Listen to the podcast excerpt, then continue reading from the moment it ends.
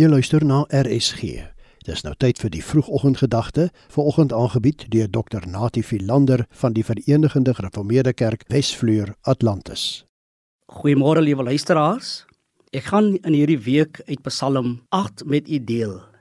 William Bede, 'n wetenskaplike het eenmal met president Teddy Roosevelt na die sterrehemel gaan staan en kyk.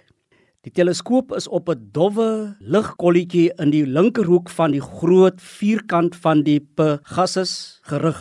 Teddy, dis die Andromeda. Dis so groot soos die Melkweg.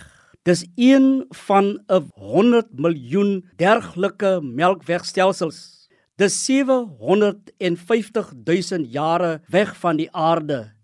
Hierop het Teddy hom onderbreek met die woorde: "Staak dit, Bibi." Ek voel nou klein genoeg.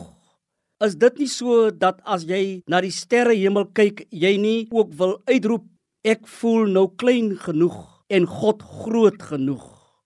God stel nietige mense aan om namens hom oor die skepping te heers. In die donkerte van die nag sien die psalmis die wondertekens van God se handewerk aan die uitspansel juis terwyl hy in eensaamheid uitgelewer is aan die rowers en roofdiere wat in die beskutting van die nag rondgeslep het.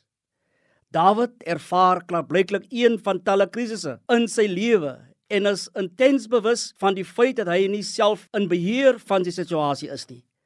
Hy besef sy status en posisie as koning van Israel is in die broosheid van sy lewenskrisis nie van vele waarde nie. Wat is die mens om raam met 'n lofsang aan God? Verse 2 en 10 herhaal die refrein: Die Here, ons Here, hoe wonderbaar is U naam oor die hele aarde. Die werklikheid van die Here se majesteit en sy heiligheid is so allesomvattend dat dit ook deur kinders aangeneem word.